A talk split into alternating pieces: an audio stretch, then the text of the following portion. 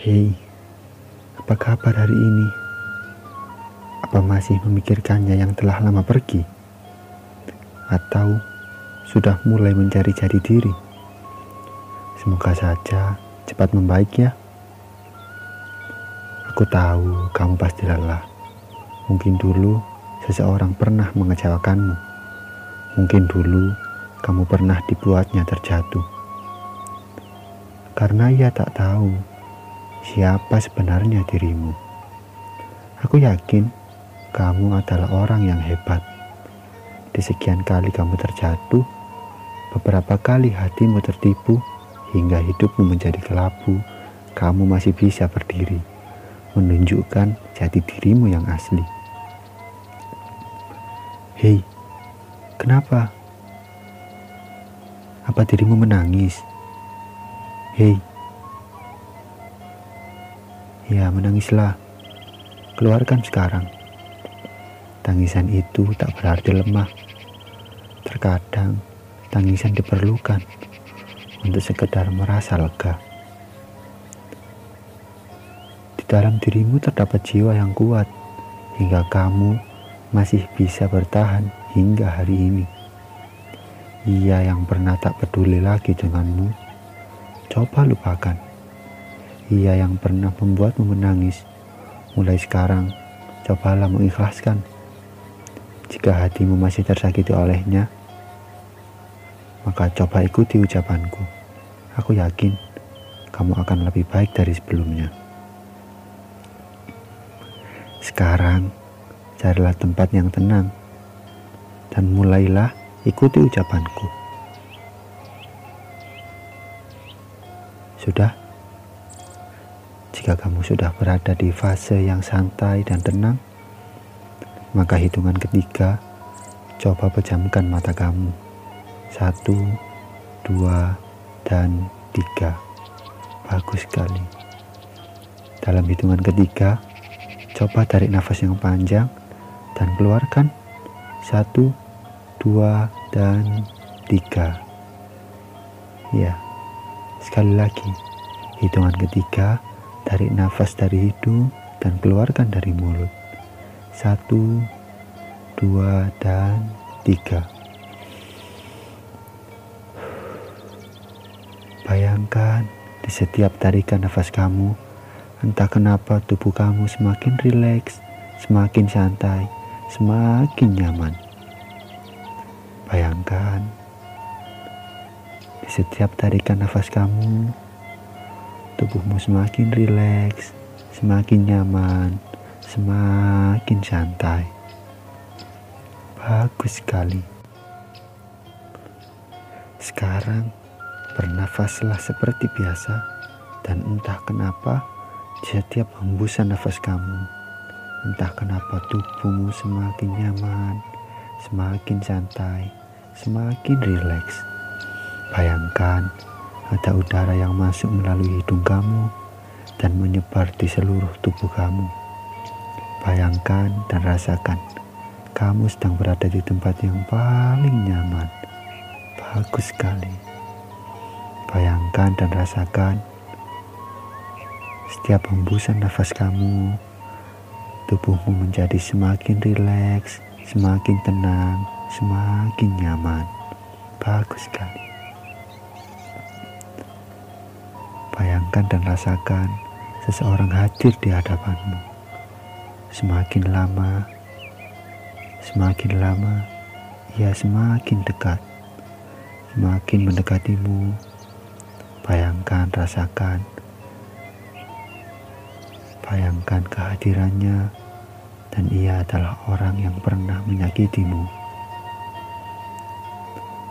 Dia adalah orang yang pernah membuatmu kecewa. Dia adalah orang yang pernah membuat kamu menangis. Dia adalah orang yang pernah membuat kamu menyimpan dendam hingga hari ini. Bayangkan dan rasakan, munculkan wajahnya, bahkan saat ini kamu merasakan sakit hati yang selama ini kamu pendam. Bayangkan, rasakan, kamu merasakan bahwa ia hadir di hadapanmu. Semakin dekat, semakin dekat, dan saat ini Dia duduk di sampingmu. Bayangkan, rasakan dendam yang selama ini kamu simpan terasa sangat sakit di dadamu. Bayangkan, rasanya ingin marah sekali. Semakin kamu membayangkan, semakin sakit hatimu kepadanya sangat terasa. Kamu sadar, sekarang kamu sadar, kamu harus melepaskan kesakitan ini. Kamu sadar, kamu harus melepaskan dendam ini. Bayangkan, rasakan, dengan penuh penyesalan, orang tersebut meminta maaf kepadamu. Ia memohon kepadamu agar kamu memaafkannya. Dia meminta maaf dengan tulus kepadamu atas perbuatan yang membuatmu menangis, atas perbuatan yang membuatmu kecewa, atas perbuatan yang membuatmu bersedih.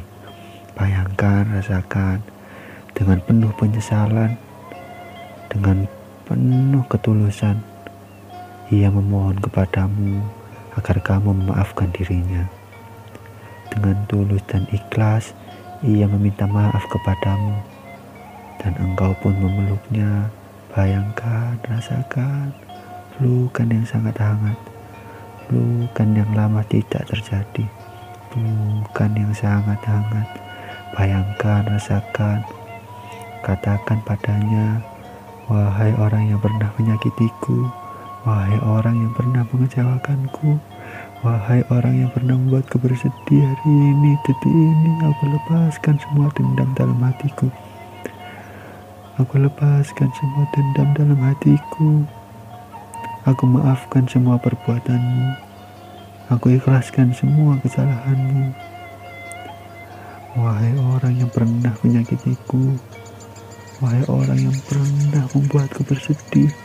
Wahai orang yang pernah mengecewakanku. Hari ini, menit ini, detik ini, Aku lepaskan semua dendam dalam hatiku. Aku maafkan semua perbuatanmu. Aku maafkan semua perilakumu. Aku ikhlaskan semua kesalahanmu. Wahai diriku, aku lepaskan semua rasa negatif, semua rasa sakit hati dalam diriku. Aku pasrahkan semuanya kepada Tuhanku. Wahai Tuhanku, aku siap menjadi lebih bahagia. Bayangkan, rasakan, entah kenapa di setiap hembusan nafasmu, diri kamu semakin nyaman, semakin rileks, semakin santai. Bayangkan, rasakan, di setiap hembusan nafas kamu, dipelukan yang hangat, dipelukan yang sangat hangat ini. Bayangkan, rasakan, hati kamu semakin nyaman, semakin tenang, semakin rileks. Bayangkan, rasakan lama pelukan itu. Bayangkan, rasakan air matamu menetes deras. Air matamu tak bisa tertahan. Lepaskan semua dendam, semua rasa sakit hati semua kekecewaan tertuang mengikuti air matamu yang menetes dengan derasnya. Bayangkan, rasakan, ia melepas pelukanmu dan ia mengusap air matamu dengan tulus, dengan ikhlas. Ia mengusap kepalamu. Bayangkan, rasakan, hati kamu semakin rileks, semakin nyaman, semakin tenang. Dalam hitungan tiga, tarik nafas yang panjang, lepaskan dari mulut. Bayangkan, rasakan hati Anda semakin tenang. Satu, dua, tiga. Bagus sekali. Sekali lagi, setiap tarikan nafasmu, entah kenapa semakin santai, semakin tenang, Bayangkan, rasakan hati kamu selalu bahagia. Tarik nafasmu satu dua dan tiga. Bayangkan lepaskan semua dendam kamu. Lepaskan semua kekecewaan. Ikhlaskan entah kenapa semuanya menjadi lebih tenang hitungan ketiga semuanya lebih nyaman lebih tenang dan entah kenapa setelah ini kamu telah mensyukuri kehidupan kamu diri kamu dan semua masalah negatif telah pergi. Tarik nafas, hembuskan. Wahai tubuhku, aku rasakan diriku lebih baik. Tarik nafas lagi, lepaskan. Wahai Tuhanku, jadikan hidupku lebih baik. Tarik nafas dan lepaskan. Bagus sekali.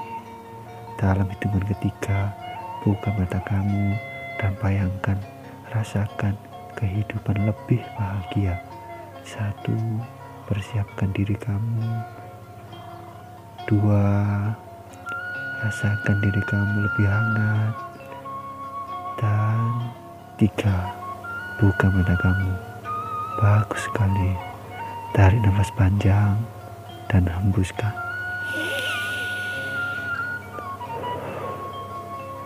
bagus sekali. Rasakan tubuh kamu lebih tenang, lebih baik, lebih santai, lebih rileks. Ucapkan terima kasih, terima kasih Tuhan, terima kasih diriku. Engkau telah bekerja sama dengan baik. Terima kasih Tuhanku. Semoga hidupku lebih baik. Terima kasih telah mendengarkan teman serasa. Salam teman serasa. Sampai jumpa. Hai teman serasa. Semoga baik ya. Kali ini aku bersama tiga temanku yang lain akan memberikan sedikit perbincangan yang cukup menarik.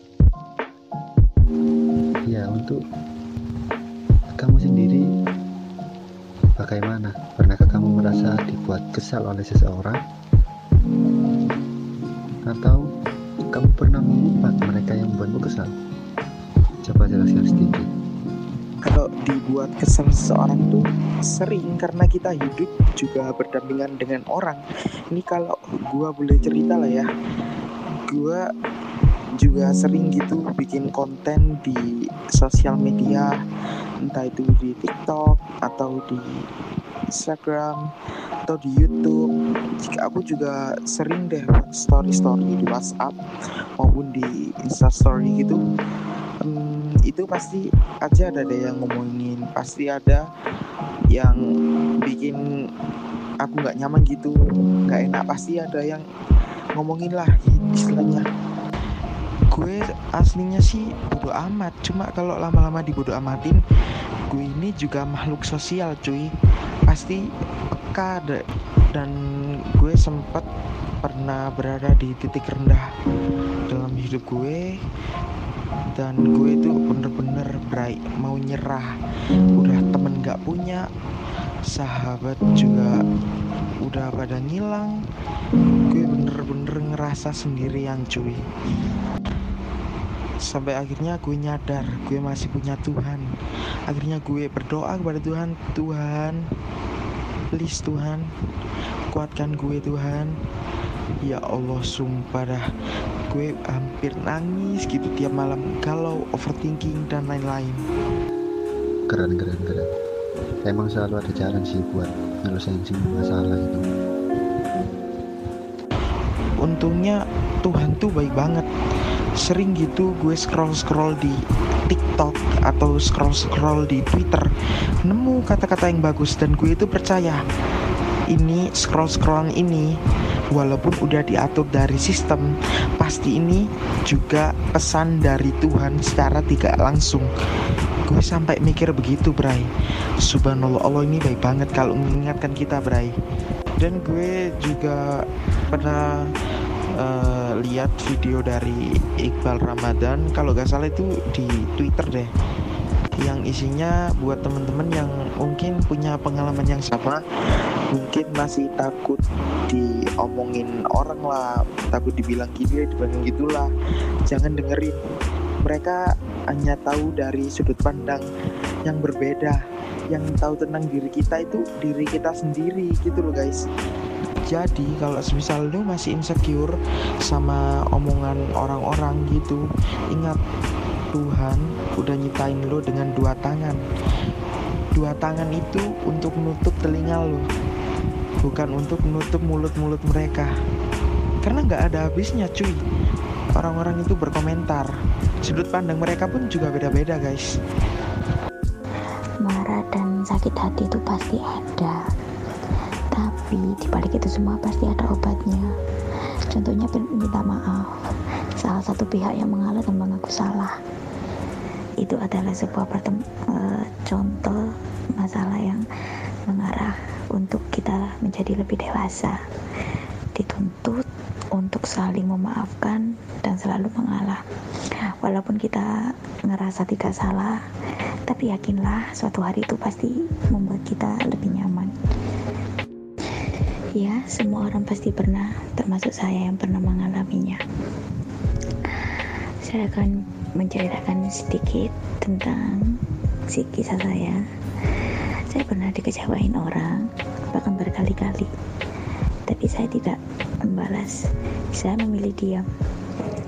Karena saya percaya pada prinsip saya. Tuhan itu tidak tidur. Dan yang terpenting, kita tunggu aja. Jika menurutmu bagaimana? Ya, mungkin kami semua pernah merasa kesal dengan seseorang sampai kita melontarkan kata-kata yang mungkin bisa menyakiti hati seseorang tersebut. Tapi ya bagaimana lagi? Aku pernah dibikin kesal sama temen-temen cowok aku. Aku lagi duduk di teras sekolah. Habis itu mereka bertiga tuh nyamperin aku. Terus salah satu dari mereka tuh bilang Edel kok diem aja sih? Lagi galau ya habis putus ya sama pacar kamu. Dia bilang gitu. Sama aku sih aku biarin aja. Terus makin ngelunjak gitu ngomongnya katanya dia bilang gini hmm, kan cowokmu banyak kan kan kamu sering kata-ganti cowok gitu dia bilang gitu. Terus aku di situ kayak ngerasa kesel sampai yang kesel banget gitu. Terus aku bilang dong bilang bilang dengan nada yang tegas dong sama sama mereka. Aku bilang kayak gini aku diem ya karena aku punya hak untuk diam. Bukan karena aku diam terus aku galau terus aku abis putus. Enggak ya aku diam ya karena aku punya hak untuk diam. Menurut aku kayak gitu. Dan teman-teman teman-temanku juga banyak yang yang berpikiran kalau aku itu banyak cowoknya. Karena ya mungkin mereka lihat dari story-story aku. Sering sering foto sama beberapa cowok. Nah menurut aku nggak semua yang aku story itu udah pasti cowok aku enggak. Mereka tuh ngelihatnya dari luarnya aja tanpa tahu dalamnya. Dan itu yang paling aku bikin kesel dan paling aku benci kalau ada yang bilang seperti itu. Kayak aku dan menurut aku bisa bikin orang down. Aku sampai pernah kepikiran kata-kata mereka yang yang menurut aku nyakitin banget dan pesan aku buat yang sering bilang ke orang yang emang belum tahu dalamnya seperti apa, ceritanya seperti apa. Jangan gampang, jangan gampang untuk menilai, karena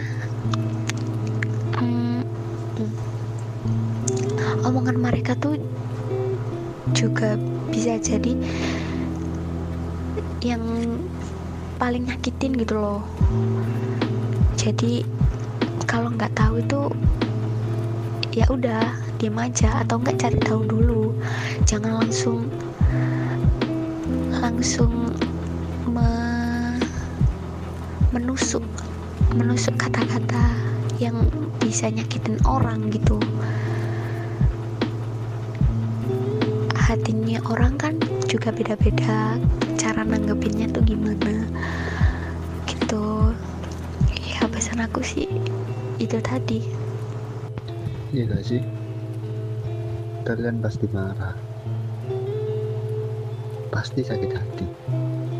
Pasti juga membuang energi Membuat mood dalam dirimu menjadi jelek. Iya kan? Filsuf Stoicism sudah pernah membuat pembagian yang jelas antara hal yang bisa kita kendalikan dan yang tidak bisa kita kendalikan seperti tujuan, motivasi, dan usaha. Mungkin kita bisa mengendalikan tapi untuk kekayaan, pendapat orang lain, opini orang lain omongan orang lain tentangmu atau bahkan kesehatan itu tidak pernah bisa dikendalikan. Hal yang dapat dikendalikan itu sumber kebahagiaan kita apa kau masih merasa tidak bahagia sekarang? Menurut kalian, seseorang yang bergantung pada kekasihnya apa bisa membuat dirinya merasa bahagia? Atau bahkan ia akan sulit mencari kebahagiaan? Bagaimana kalau menurutmu? Kalau menurut aku, orang yang bergantung sama pasangannya itu mungkin dia ngiranya tuh bahagia gitu. Apa-apa ada pacar, apa-apa ke pacar, butuhnya ke pacar gitu kan. Tapi kan dia juga nggak tahu respon pacarnya seperti apa atau kalau mungkin pacarnya ngeiyain ya nggak masalah juga sih. Kan tergantung si cowoknya ini. Tapi menurut aku juga terlalu bergantung sama pacar pacar itu sama pasangan kita itu nggak baik sih. Karena kita tuh harus bisa mandiri juga toh pasangan kita belum tentu pasti sama kita. Atau kita tuh juga nggak tahu respon pasangan kita tuh kayak gimana gitu. Jadi jangan terlalu sering untuk bergantung sama pasangan kita. Gitu sih menurut aku jangan terlalu bergantung dan jangan terlalu sering bergantung sama pasangan kita. Kita juga harus mandiri mandiri dan harus bisa ngelakuin sendiri. Ya gitu. Kalau menurutmu? Gitu, kalau bergantung ke orang kita yang sayangi, eh, kalau menurutku selagi mereka berdua tidak saling keberatan sih juga gak apa-apa. Cuma kalau eh, mereka salah satu ada yang keberatan nih, misalnya si cowok nih, ah cewek gue minta jemput mulu, gue kan harus bangun lebih pagi. Nah gitu tuh yang bahaya tuh, bisa menyebabkan eh, perceraian apa sih? Putus dalam sebuah hubungan terus sering bertengkar. Lebih baik kalian ungkapin aja dari awal. Kalau kalian eh, misal gak nyaman gitu kalau semisal kali yang cek minta jemput terus atau gimana karena kita juga nggak akan tahu kan.